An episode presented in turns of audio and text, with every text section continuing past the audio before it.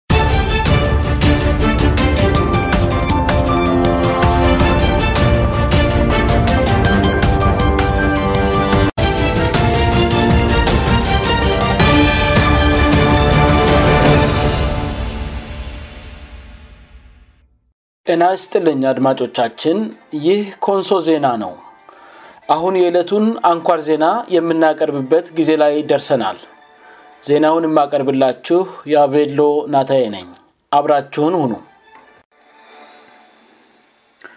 አርስት ዜናዎቹን በማስቀደም የዕለተ ረቡ ሰነ 23 ቀን 213 ዓ ም አንኳር ዜናዎችን አሰማለሁ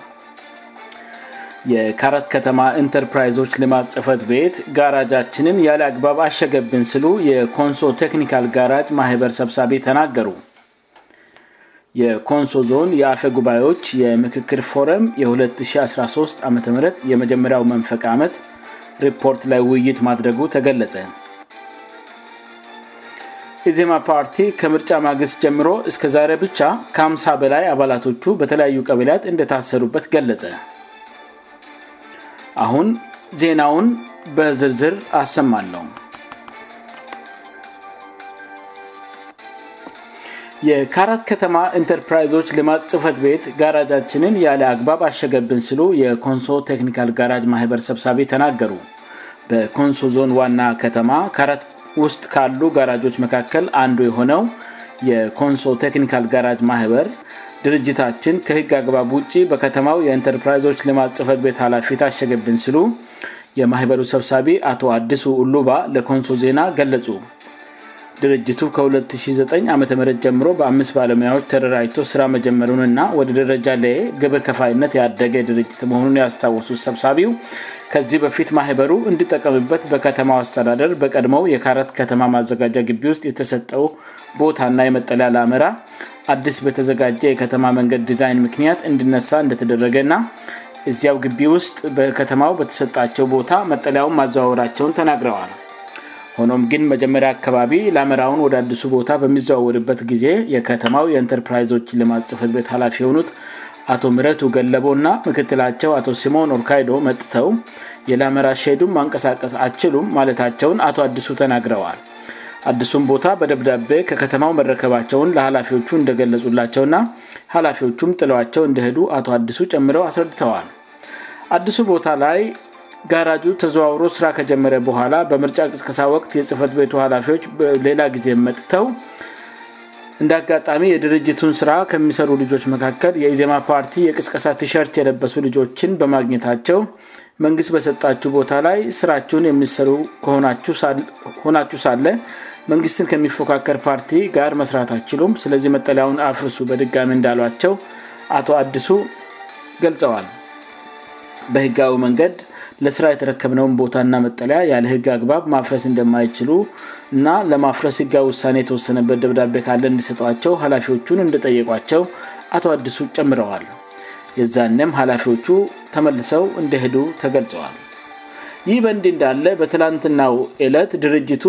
በገቢዎች ባለሥልጣን ቅርንጫፍ ጽፈት ቤት ለስብሰባ በተጠራበት ሰብሳቢው በሌለበት የኢንተርፕራይዞች ልማ ጽፈት ቤት ሀላፊዎቹ እንደገና መጥተው ቤቱን ማሸግ መጀመራቸውን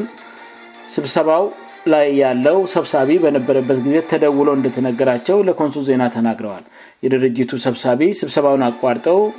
በመጡ ጊዜ ሀላፊዎቹ በአንድ ፖሊስ በመታጀብ ለድርጅቱ ንብረት ማስቀመጫነት ቢሮነት ከተሰሩ አራት ክፍሎች መካከል አንዱን ማሸግ በጀመሩበት ጊዜ መድረሳቸውን ገልጸዋል ድርጅቱ እንድታሸግ የተወሰነበትን ደብዳቤ ስጡን ሲባሉ ከጽፈት ቤቱ ኃላፊዎች ጋር የነበረው የፖሊስ መኮንን ድርጅቱን ለማሸግ እንጂ በደብዳቤ ጉዳይ ከአንተ ጋር ለመጨቃጨቅ አልመጣንም ማለቱ ተገልዋል አን ምኮለም ለምን ድርጅቱን ለማሸግ ከላፊዎቹ ጋር እንደመጣ ህጋዊ ፈቃድ የሚሰጥ ሰነድ ማሳየት አለብ ሲባል በአቅራቢያው ካለው የልዩ ኃይል ካምፕ ልዩ ሀይሎችን በመጥራት ላስደበድበ ይችላለ ብሎ እንዳስፈራራው አቶ አዲሱ ጨምሮው ተናግረዋል በመቀጠልም በጥገና ላይ የነበሩ የሞተር ብስክሬቶችን ከግቢ ውጭ እንዲወጡ ከዘዙ በኋላ አራቱንም ክፍሎች ተራ በተራ ካሸጉ ከዛም የጋዳጁንም የውጭውን በር ማሸጋቸው ተገልጿዋል ከሰአት በኋላ ለጉዳዩን ልባት ለመስጠት አቶ አዲሱ ኢንተርፕራይዞች ልማት ጽፈት ቤት በሄዱም ጉዳዩ የልባት ማግኘት እንዳልቻለ ና ድርጅቱ እንደታሸገ መዋሉን ለኮንሶ ዜና አስረድተዋል በጉዳዩ ላይ ምላሽ እንዲሰጡን በስልክ ያነጋገር ናቸው የካራት ከተማ ኤንተርፕራይዞች ልማት ጽህፈት ቤት ኃላፊ አቶ ምረቱ ገለበ በበኩላቸው መስሪያ ቤታቸው ከጋራጅ ማህበሩ ጋር ምንም ችግር እንደለበት ገልጸው ችግሩ የማህበሩ ሰብሳቢ የሆኑት የአቶ አዲሱ ሉባ ከጽህፈት ቤታቸው ጋር በትብብር መስራት ያለመፈለግ መሆኑን ተናግረዋል ድርጅቱ ጋር ያሉና እንዲስተካከሉ ጽህፈት ቤታቸው የሚፈልጓቸውን ጉዳዮች የጋራጅ ማህበሩ በተደጋጋሚ በደብዳቤ ቢገለጽለትም የድርጅቱ ሰብሳቢ ምንም የማስተካከል እርምጃ ስለማይወስዱ ጽፈት ቤቱ ይህን የማሸግ እርምጃ ለመውሰድ ተገዷል ብለዋል አቶ ምረቱ ሁኔታውን ሲያብራሩ የኮንሶ ቴክኒካል ጋራጅ ማህበር ከ210 ዓም አጋማስ ጀምሮ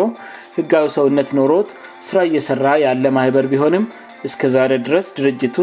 ስመሰረት በነበረበት ጊዜ ወጣው ማተም እየተጠቀመ መሆኑ ተገብነት የለውም ብለዋል ድርጅቱ ስመሰረት ኮንሶ ዞን በሰገን አካባቢ ህዝቦች ዞን ስጥ ተጠቃለው የነበረበት ጊዜ በመሆኑ የጋራጅ ማህበሩ ህጋዊ ማተም የሰገን አካባቢ ህዝቦች ዞንን ስም መጠቀሙ አግባብ አይደለም ብለዋል የኮንሶ ዞን ከሆነ በኋላ እነሱም ህጋዊ ሰውነታቸውን በዚያው አግባብ ማስተካከል ይኖርባቸዋል ሆኖም ግን አላደረጉም ብለዋል በሁለተኛ ደረጃ መንግስት በጥቃቅን በአነስተኛ በመካከለኛ እና በአምራጭ ደረጃ ንተርፕራይዞችን ሲያቋቁም ቦታና ለመጠለያ የሚሆን ለመራ በሚሰጣቸው ጊዜ ከከተማው ጋር ውል በመግባት ለላምራው ና ለቦታው ሲባል ለከተማው የሚከፍሉት ክፍያ እንዳለ ገልጸው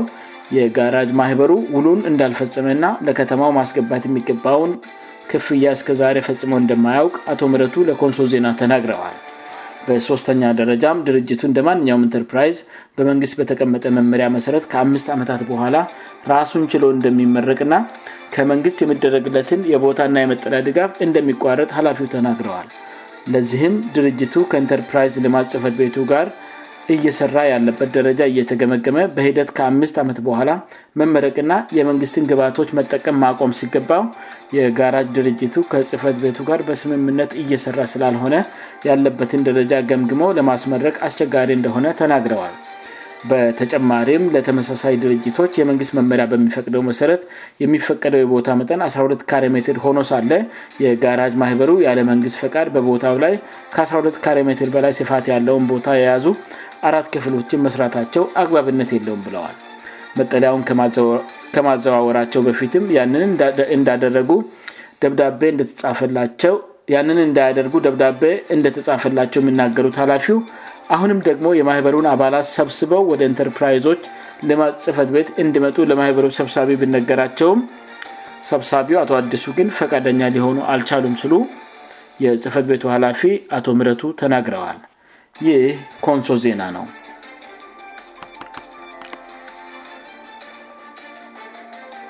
የኮንሶ ዞን አፈ ጉባኤዎች የምክክር ፎረም የ2013 ዓም የመጀመሪያው መንፈቃ ዓመት ሪፖርት ላይ ውይይት ማድረጉ ተገለጸ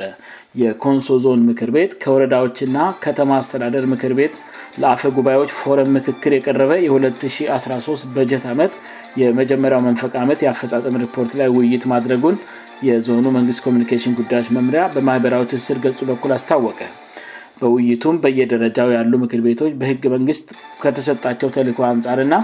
የህዝብ እንደራሲዎች እንደመሆናቸው ወደ ላይ ወደ ታችና ወደ ጎን እርስ በርስና ከሌሎች አካላት ጋር ለህዝብ ተጠቃምነት በትኩረት እየሰሩ መሆናቸው በዞኑ ምክር ቤት ምክትልአፈ ጉባኤ የተከበሩ ወይዘሮ ምስ ያካክሴ መገለጹ ተዘግበዋል የ2013 ዓ የግብ ስምምነት እቅድ የምክር ቤት እቅድ የስራ ሂደቶች እቅድ የዜጎች ቻርተር የመልካም አስተዳደር እቅድና የህዝብ ክንፍ እቅድ ላይ በትኩረት መሰራቱን በሪፖርቱ የተመለከተ ሲሆን የልማትና የመልካም አስተዳደር ስራዎችን በተመለከተ ምክር ቤቱ የዜጎች ቻርተር ሰነድ ከዘውን ጀምሮ በሁሉም ደረጃ ማዘጋጀቱ ታውቋል በየደረጃው የሰው ኃይል አለምሟላት የሰገን ዙሪያ ወረዳ ምክር ቤት በጸጥታ ችግር ምክንያት የግማሽ አመት ሪፖርት አለማቅረብ በዞን በወረዳዎችና በከተማ አስተዳደር በምክር ቤቶች የተሽከርካሪ እጥረት ምክንያት በስራቸው ላይ ተጽዕኖ መደረጉም ተገልጿዋል በአፈ ጉባኤዎች ፎረን ምክክር ላይ የዞኑ ምክትል አፈ ጉባኤ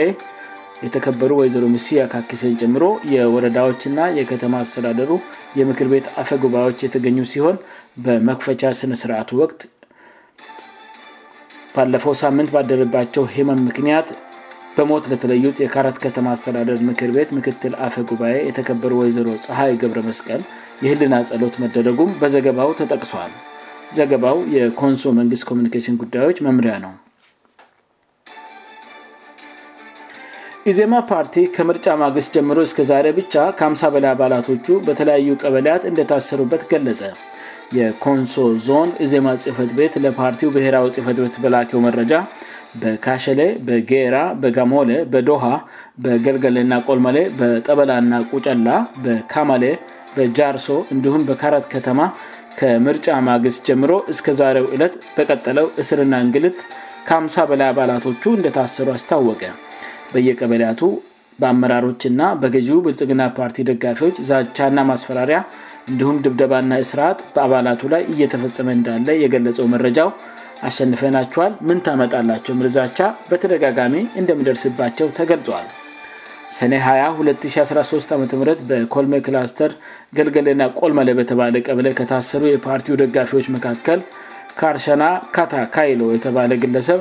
ራሱን እስክሲት ድረስ ክፉኛ መደብደቡን ለኮንሶ ዜና የደረሰው መረጃ አመልክተዋል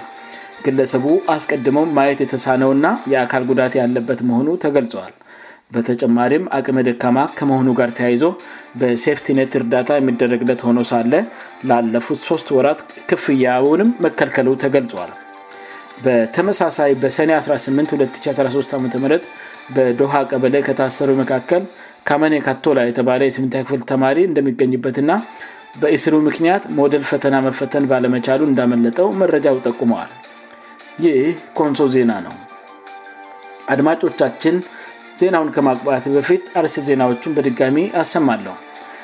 የካረት ከተማ ኢንተርፕራይዞች ልማ ጽፈት ቤት ጋራጃችንን ያለአግባብ አሸገብን ስሉ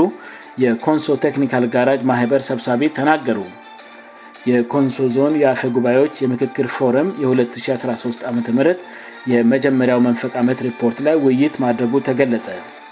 ኢዜማ ፓርቲ ከምርጫ ማግስት ጀምሮ እስከ ዛሬ ብቻ ከ50 በላይ አባላቶቹ በተለያዩ ቀበላት እንደታሰሩበት ገለጸ ዜናው በዚያ በቃ አድማጮቻችን የዕለቱ አንኳር ዜናችን ይህን ይመስል ነበር ስላዳመጣችሁን እናመሰግናለን